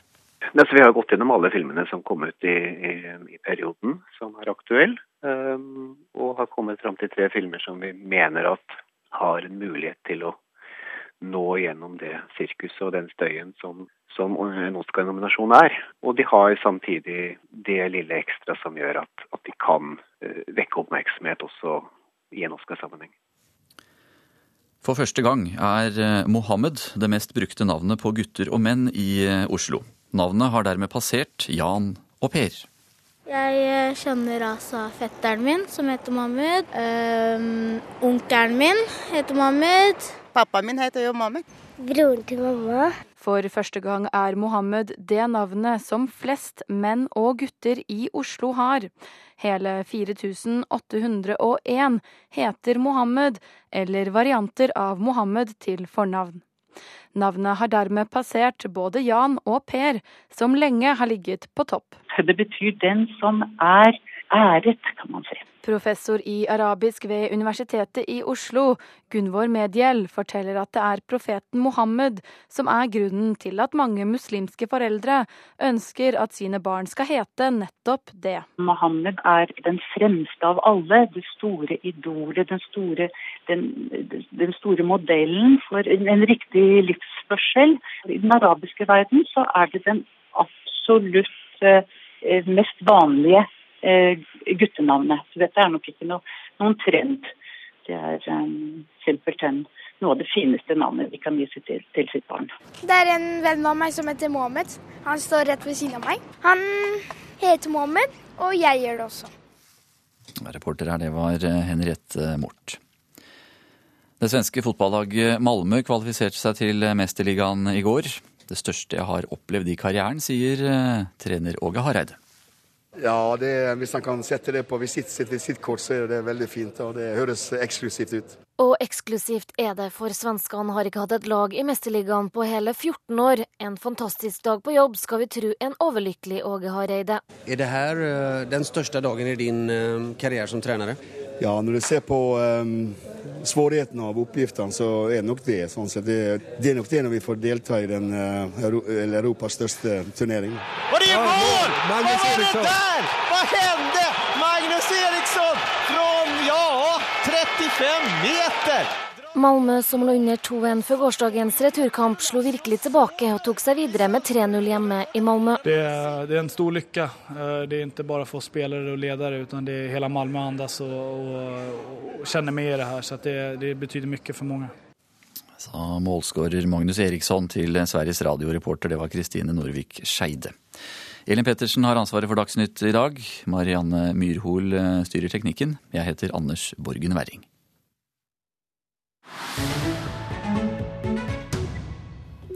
Nyhetsmorgen skal til USA nå. Der har politidrapet på den afroamerikanske tenåringen Michael Brown ført til krav om reformer i politiet. I hovedstaden Washington DC overleverte demonstranter fra en rekke antirasistiske organisasjoner et brev til Riksadvokaten i går. Eh, Riksadvokaten som selv er farget. Hands up! Don't shoot! Don't shoot! Hendene i været, ikke skyt oss, roper et trettitalls demonstranter taktfast utenfor Justisdepartementet her i Washington DC. Slagordet refererer til at politiet gang på gang skyter ubevæpnede amerikanere, de aller fleste av dem svarte. 9.8 skjedde det i byen Ferguson. 18 år og ubevæpnet ble Michael Brown stanset av politiet, og de første skuddene skal ha falt inne i politibilen. Hey, ho, ho, Hei hå, rasistisk politi må gå, roper demonstrantene. Politimannen som skjøt Darren Wilson, var hvit. Han er suspendert, men ikke arrestert. En bred koalisjon av antirasister, freds- og kirkeorganisasjoner godtar ikke det. En av riksadvokat Erik Holders medarbeidere fikk klar beskjed da han kom ut av bakdøra i Justisdepartementet. Of police officer Darren arrest vi krever umiddelbar arrestasjon av Wilson og av alle andre politifolk som har drept svarte og brune gutter og menn, sa kvinnen som overleverte brevet, adresserte Riksadvokaten. Demonstrantene krevde også at alt militært personell og utstyr må trekkes ut av Ferguson. Videre, alle politifolk må bære kameraer for å beskytte borgerne mot trakassering og brutalitet. Vi har opplevd en militarisering av politiet etter 11.9.2001, sier pensjonisten Joan Stallard. De har fått masse penger og masse utstyr, og mange steder leier de inn folk med militær bakgrunn. Politiet har f.eks. grovkalibrede automatvåpen, pansrede kjøretøy og skytevåpen med lyddempere. Bildene av et militarisert politi i kamp mot demonstranter i Ferguson har sjokkert mange amerikanere. En av dem er den fargede presten Graylan Hagler. Jeg spør hvordan han mener politiet bør reformeres. Nummer én er å demilitarisere politiet. Det vi så i Ferguson minnet om Gaza, om de okkuperte områdene i Palestina, sier Hagler.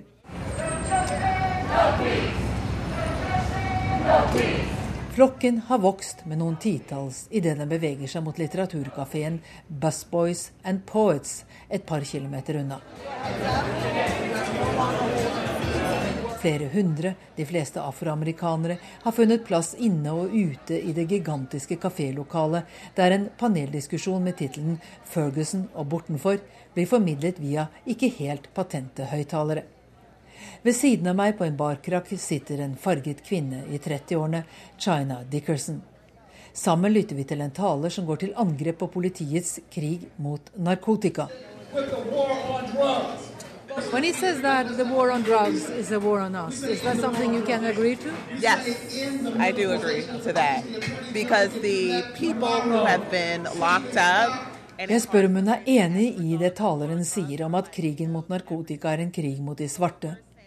Ja, fordi folk som stenges inne pga. narkotika, nesten utelukkende er latinos og afroamerikanske menn. Marihuana ble tillatt overalt. Kriminaliseringen gjør at tusenvis av fedre og sønner havner i fengsel og får livene ødelagt. Loven er kanskje lik for alle, men rase betyr fortsatt mye når det gjelder håndhevingen, og fortsatt er de gamle sangene om frihet aktuelle. Oh,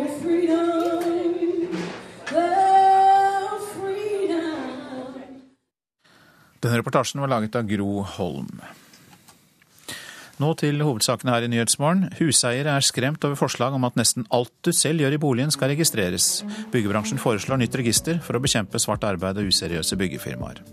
Stort flertall i folket er mot OL. 54% sier nei, mens 26% sier ja. Det viser en undersøkelse gjort for Bergens Tidende. Ikke Per og ikke Jan, men Mohammed. For første gang er Mohammed det mest brukte navnet på gutter og menn i hovedstaden.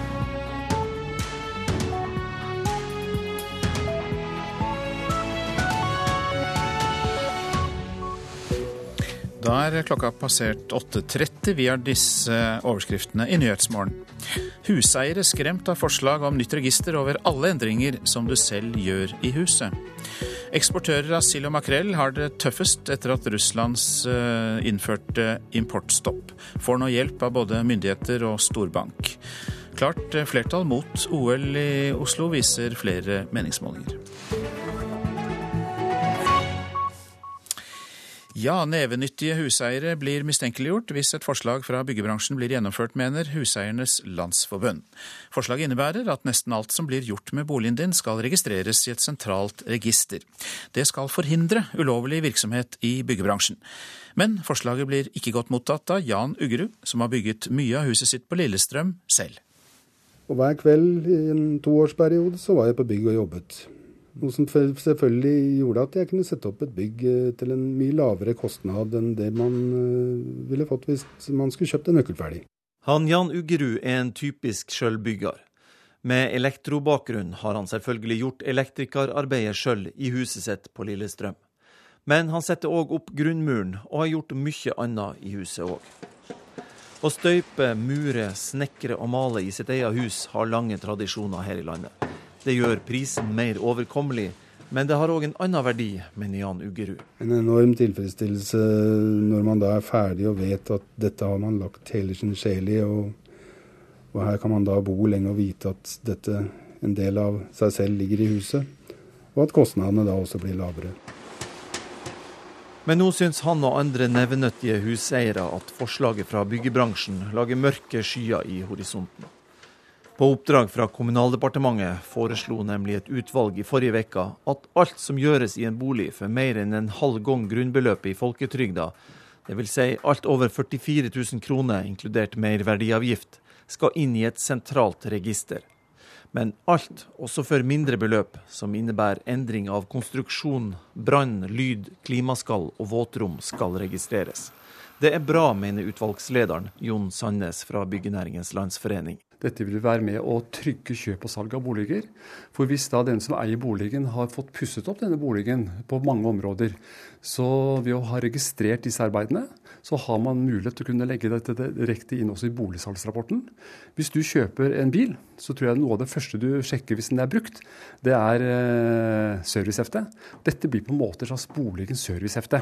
Men Huseiernes Landsforbund mener det her sentrale registeret vil gi myndighetene et nesten skremmende detaljert bilde av folks hus og heim, sier utredningssjef Dag Refling. Alle detaljer for småjobber ned til en halv G.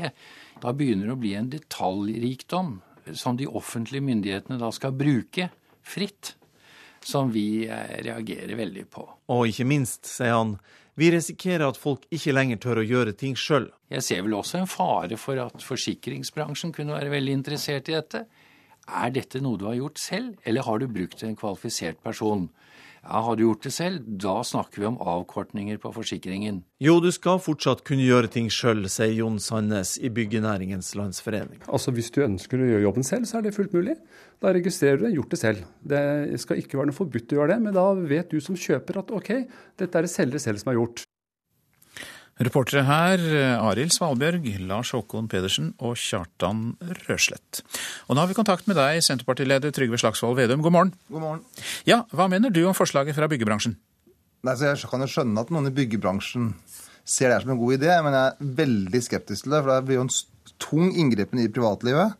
Det kommer til å føre til mer byråkrati. og og overvåkning. og Det er en spørsmål om vi kan registrere oss ut av alle samfunnets problemer. så Derfor så mener jeg at Jan Tore Sanner, som har satt i gang prosessen, nå bør si at han ikke ønsker et så omfattende byråkrati, så omfattende mulighet for registrering som det utvalget her har lagt opp til.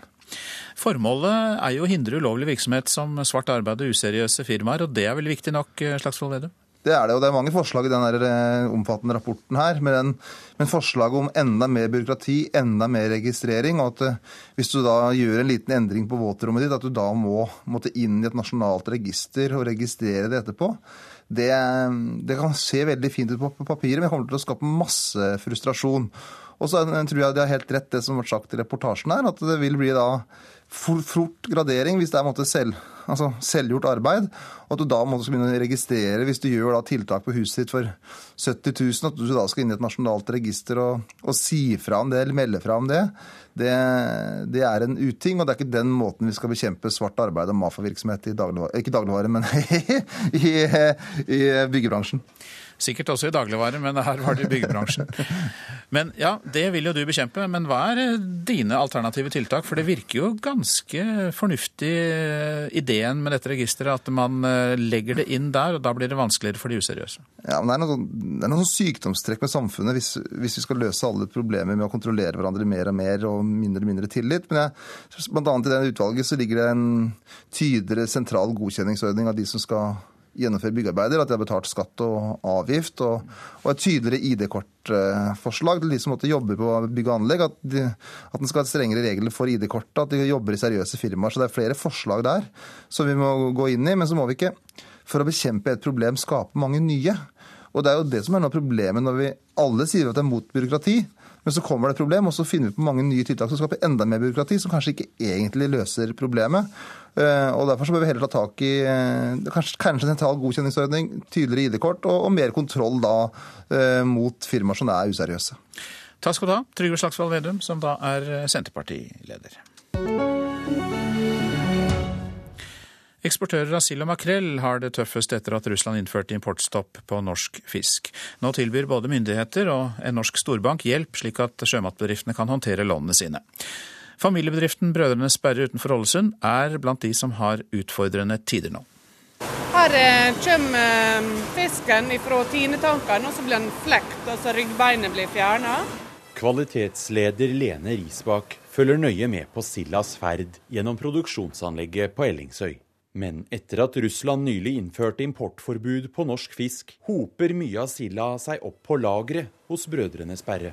Vi har mye sild på lager, og tapet her er åpenbart. Sier administrerende direktør Inger Marie Sperre. Et kronetap tror jeg vi ser for alle de eksportørene som har varer produsert for det russiske markedet på lager når, når krisa starter. Familiebedriften er likevel sikker på at den vil klare seg gjennom krisen.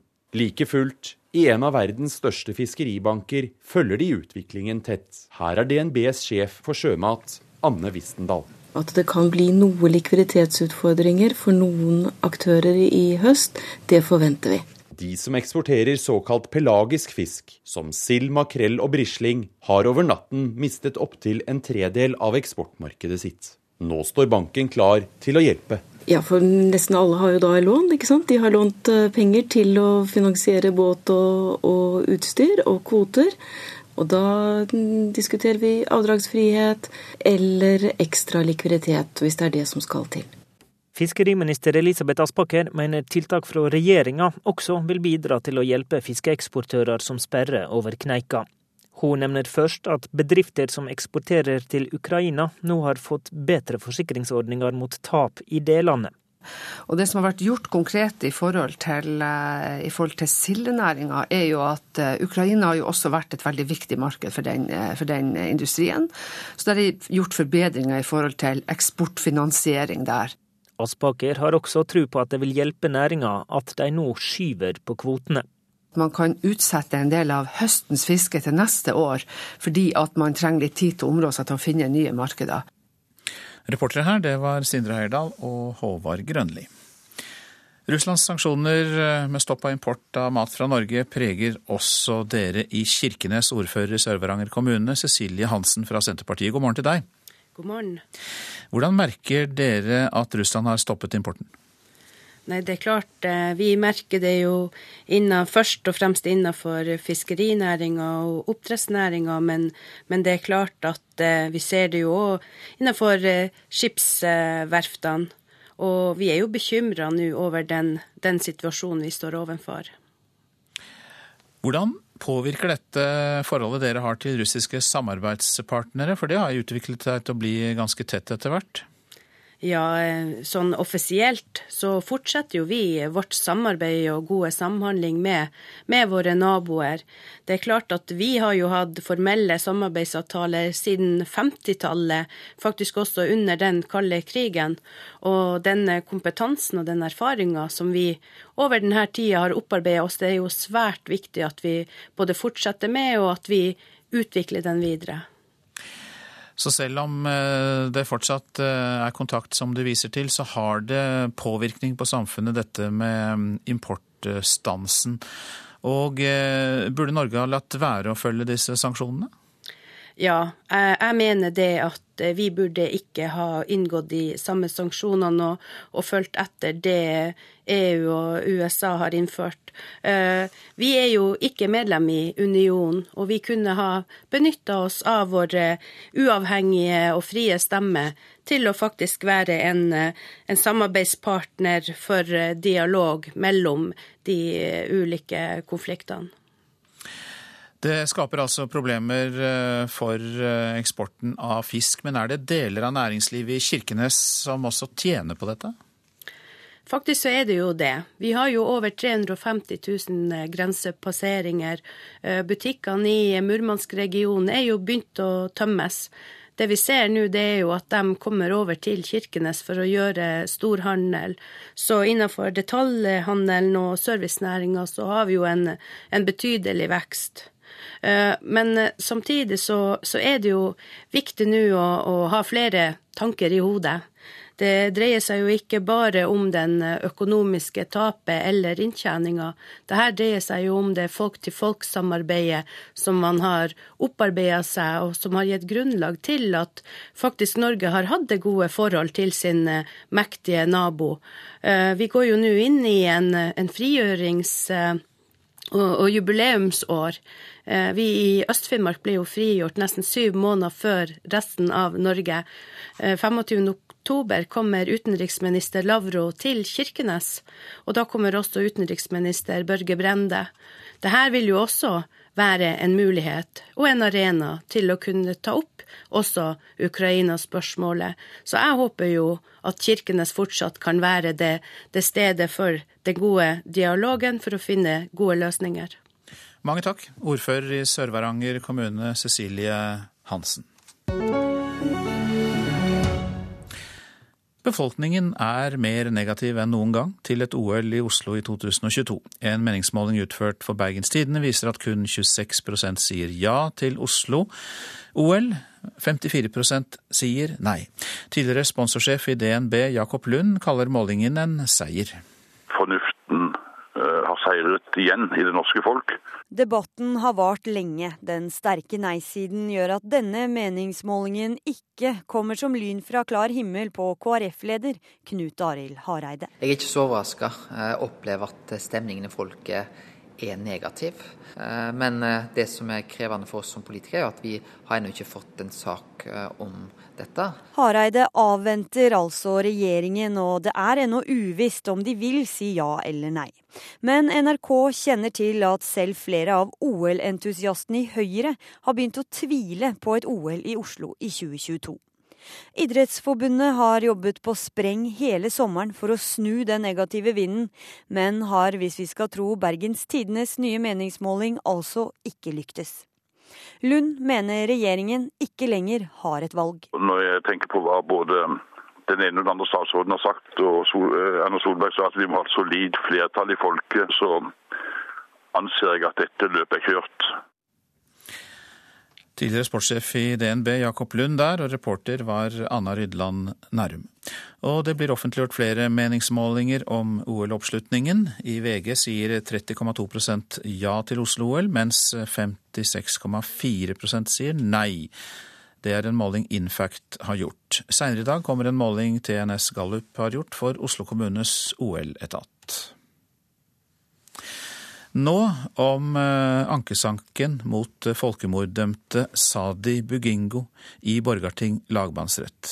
Bugingo ble dømt i Oslo tingrett for å ha drept flere tusen mennesker under folkemordet i Rwanda i 1994. Saken blitt, har blitt utsatt et år. Journalist i Bergens Tidende, Christian Nikolaisen, du er med oss fra studio i Bergen, og dere har fulgt rettssaken, bl.a. fordi mannen har bodd på Landås i Bergen. Og hvorfor har det tatt så lang tid før ankesaken er kommet opp? Hovedårsaken til det er nok at uh, Bugingos nye forsvarere har uh, innhenta og oversatt en stor mengde rettsavgjørelser fra en rwandisk domstol. Um, til sammen er det snakk om flere tusen sider som skulle gjennomgås, og dette har det tatt uh, lang tid å både innhente, oversette og gå gjennom. Ja, Han har jo byttet forsvarere, og som du sier, han har hentet mye informasjon. Kan man da anta at det kan komme nye ting fram i retten nå? Det gjenstår jo egentlig å se, men eh, den nye forsvareren har jo eh, bl.a. kalt inn 40 nye vitner som eh, ikke har deltatt tidligere i denne rettssaken. og han er jo ikke så veldig interessert i å si så veldig mye om hva som kommer, men det er jo nærliggende å tro at disse vitnene vil ha stille hans klient i et positivt lys, mener han i hvert fall. Ja, la oss ta det, Nikolaisen. Hva er det da vedkommende, altså Bugingo, sier selv om det han har foretatt seg? Eh, nå har han jo ikke forklart seg enda i ankesaken, det gjør han først i neste uke. Men i eh, tingretten så eh, forklarte han jo det at eh, han har ikke deltatt på disse massakrene som er nevnt i, i tiltalen. Og uh, han har egentlig nekta straffskyld helt siden han ble pågrepet i mai 2011. Uh, han, sa, han, stilte videre spørsmålet om hvorfor skulle han som er gift med en tutsi, bidra i handlinger som har som formål å nedslakte nettopp denne folkegruppa. Men påtalemyndigheten har jo en annen oppfatning, og hva er de viktigste punktene de legger til grunn? Altså, tiltalen omhandler jo tre ulike hendelser. Eh, den første er en eh, massakre ved et kommunehus hvor rundt 1000 mennesker ble drept. Eh, den andre fant sted noen dager senere ved en misjonsstasjon. Vitner i den forrige rettsrunden har jo forklart at Bugingo hadde en sentral rolle i både planlegging og, og tilrettelegg for dette. Er jo, det er jo ingen som har påstått at han sjøl har utført eh, drap, men han, jo, han, er jo da dømt for medvirkning til drap. I tillegg så eh, er det en eh, er han da anklaga for å ha medvirka til at nær 40 mennesker ble henta ut fra et sykehus og drept. Vitner har jo da beskrevet at han kom inn og plukka ut hvem som skulle dø. Da eh, følger du og vi denne saken videre. Mange takk skal du ha, journalist i Bergens Tidende, Christian Nikolaisen, for at du orienterte oss om dette. Og det er altså da ankesaken mot eh, folkemorddømte Sadi Bugingo som eh, pågår i Borgarting lagmannsrett. Klokka har passert 8.47. Dette er hovedsaker. Huseierne skremt av forslag om et nytt register over alle endringer som du selv gjør i huset. Skaper for mye byråkrati. Svart arbeid og useriøse bedrifter kan bekjempes med andre midler, sa Senterpartileder Trygve Slagsvold Vedum her i Nyhetsmorgen. Eksportører av sild og makrell har det tøffest etter Russland innførte importstopp eh, på norsk fisk. Får hjelp av både myndigheter og storbank. Og det er klart flertall mot OL i Oslo, viser flere meningsmålinger.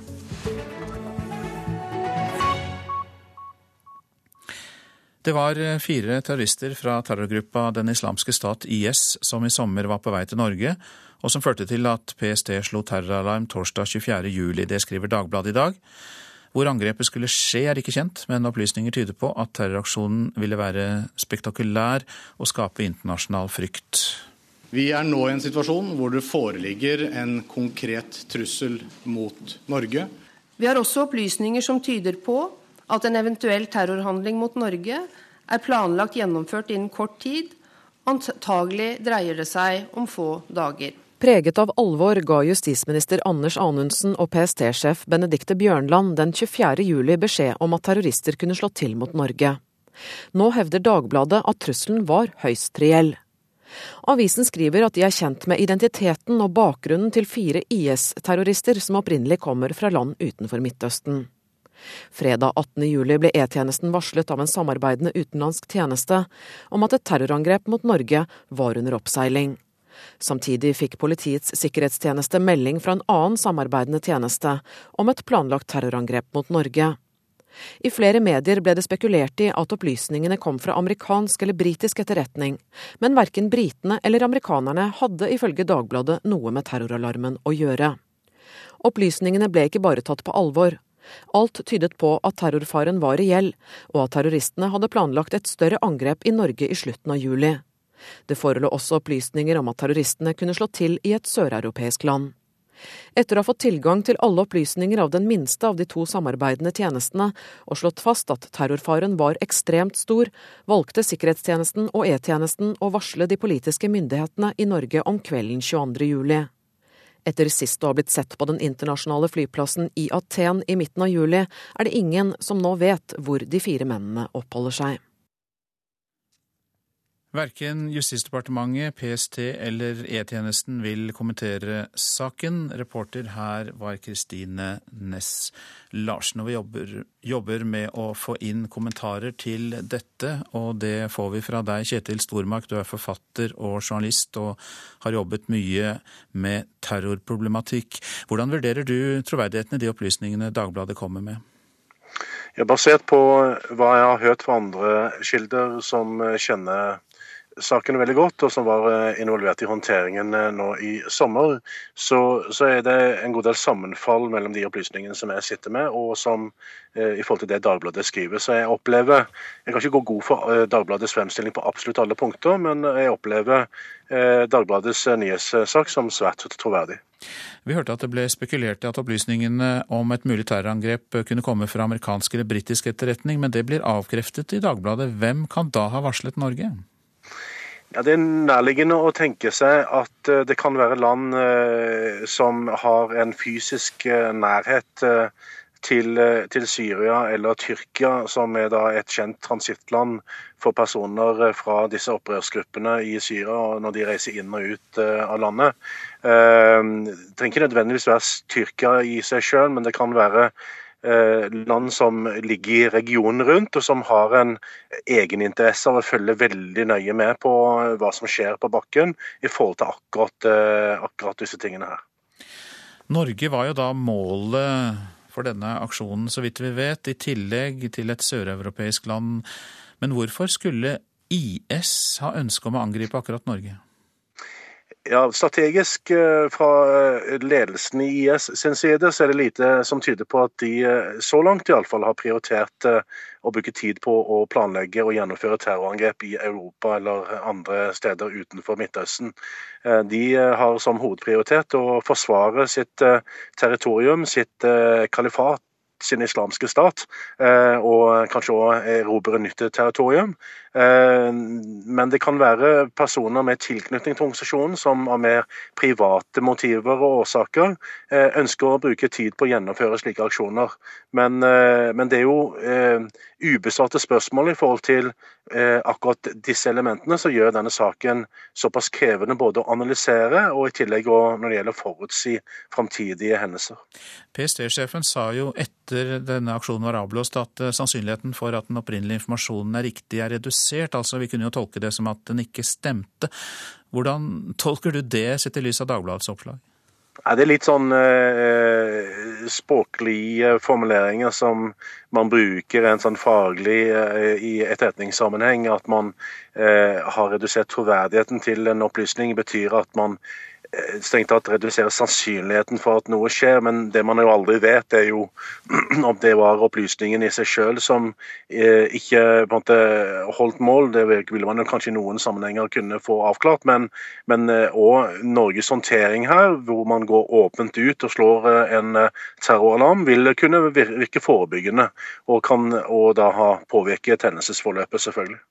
Mange takk, Kjetil Stormark. Du er forfatter og journalist og jobber med terrorrelaterte spørsmål, som vi vet. Nå om norske forskere som sier nei til forskningsstøtte fra det internasjonale dopingbyrået VADA. Grunnen er en klausul i kontrakten som gir denne organisasjonen rett til å sensurere forskningsresultatene før publisering. Eh, the World Anti-Doping Agency, da WADA, de eh, krevde at Eh, de skulle kunne sensurere forskningsresultatene. Og hvis vi ikke aksepterte de endringene de, de ville ha, så ville de trekke tilbake resten av pengene. Hva er problemet de, med det, Gundersen? Nei, altså det er jo forsker, det er problemet at forskerne skal ikke være kjøpt og betalt. Noe særlig vanskeligere er det ikke. Professor i fysiologi Christian Gundersen og hans forskerteam har forska på muskelhukommelse, som har bidratt til å skjerpe utestengingsreglene for doping fra to til fire år. Funn som av tidsskriftet New Scientist ble kåra til en av de viktigste vitenskapsnyhetene i fjor. De fant ut at muskler som har fått tilført anabole steroider, har fordeler ved dette i lang tid etter at man har slutta å dope seg. Og i forbindelse med videre forskning på feltet satte WADA som kriterium for å gi økonomisk støtte at de forbeholder seg retten til å be om endringer i forskningsrapporten før publisering.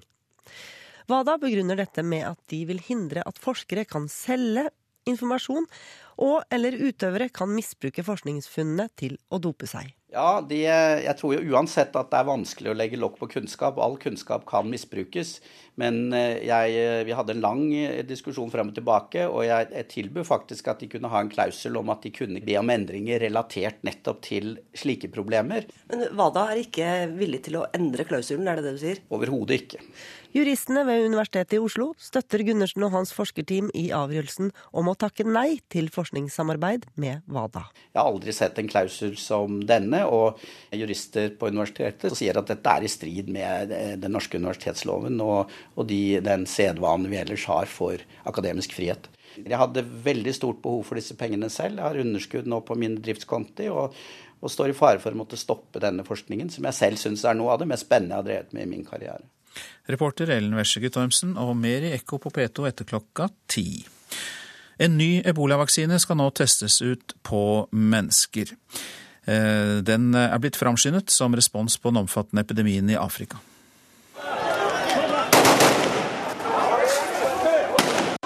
Det er kamper i Liberias gater.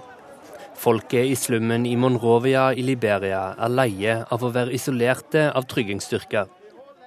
De er innestengt i slummen fordi styresmaktene ikke vil at det dødelige ebolaviruset skal spreie seg.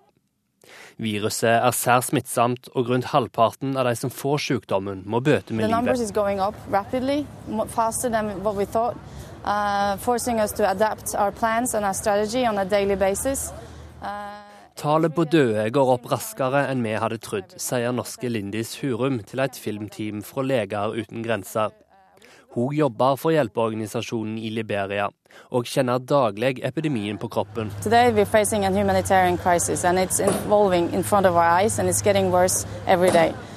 Førebels finnes det ingen medisin mot det dødelige viruset.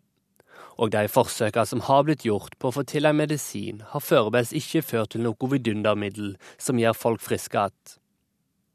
Nå håper derimot legemiddelfirmaet GlaxoSmithKline at de har funnet en vaksine som kan hjelpe mot viruset. Firmaets plan var i utgangspunktet å teste vaksinen på mennesker senere i år.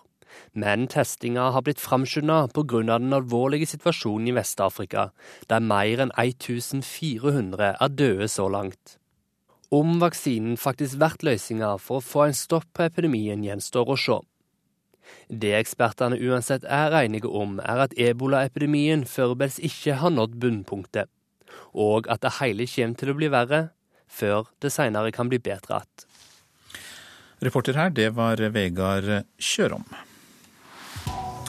Så til værvarselet fram til midnatt. Fjell i Sør-Norge, Østlandet og Telemark stort sett pent vær. Agder stort sett pent vær, men seint i kveld tilskyende. Så tar vi for oss hele Vestlandet, fra Rogaland til Møre og Romsdal. Og det er en veldig kort melding der. Pent vær. Trøndelag får litt regn av og til i dag. Fra i ettermiddag stort sett pent vær også der. Nordland for det meste pent vær. Troms først på dagen skyet oppholdsvær, men etter hvert mye pent vær. Finnmark først på dagen spredte regnbyger, ellers for det meste skyet oppholdsvær i Finnmark. Og så går vi ut i havet til Nordensjøland på Spitsbergen. Der blir det perioder med regn. Og så temperaturer, og disse ble målt klokka sju. Svalbard lufthavn sju grader. Kirkenes og Vardø ti. Alta elleve. Tromsø-Langnes ni grader. Bodø åtte. Brønnøysund 10, Trondheim-Værnes 11, Molde 10, Bergen-Flesland 11, Stavanger 12. Kristiansand-Kjevik 10 grader, Gardermoen 11 grader, Lillehammer 8, Røros 6 og Oslo-Blindern 12 grader. Så slår vi fast at de ansvarlige for nyhetssendingene på morgenkvisten var Elin Pettersen og Ellen Omland. Prosent for Nyhetsmorgen Vidar Eidhammer. Teknisk ansvarlig Marianne Myrhol.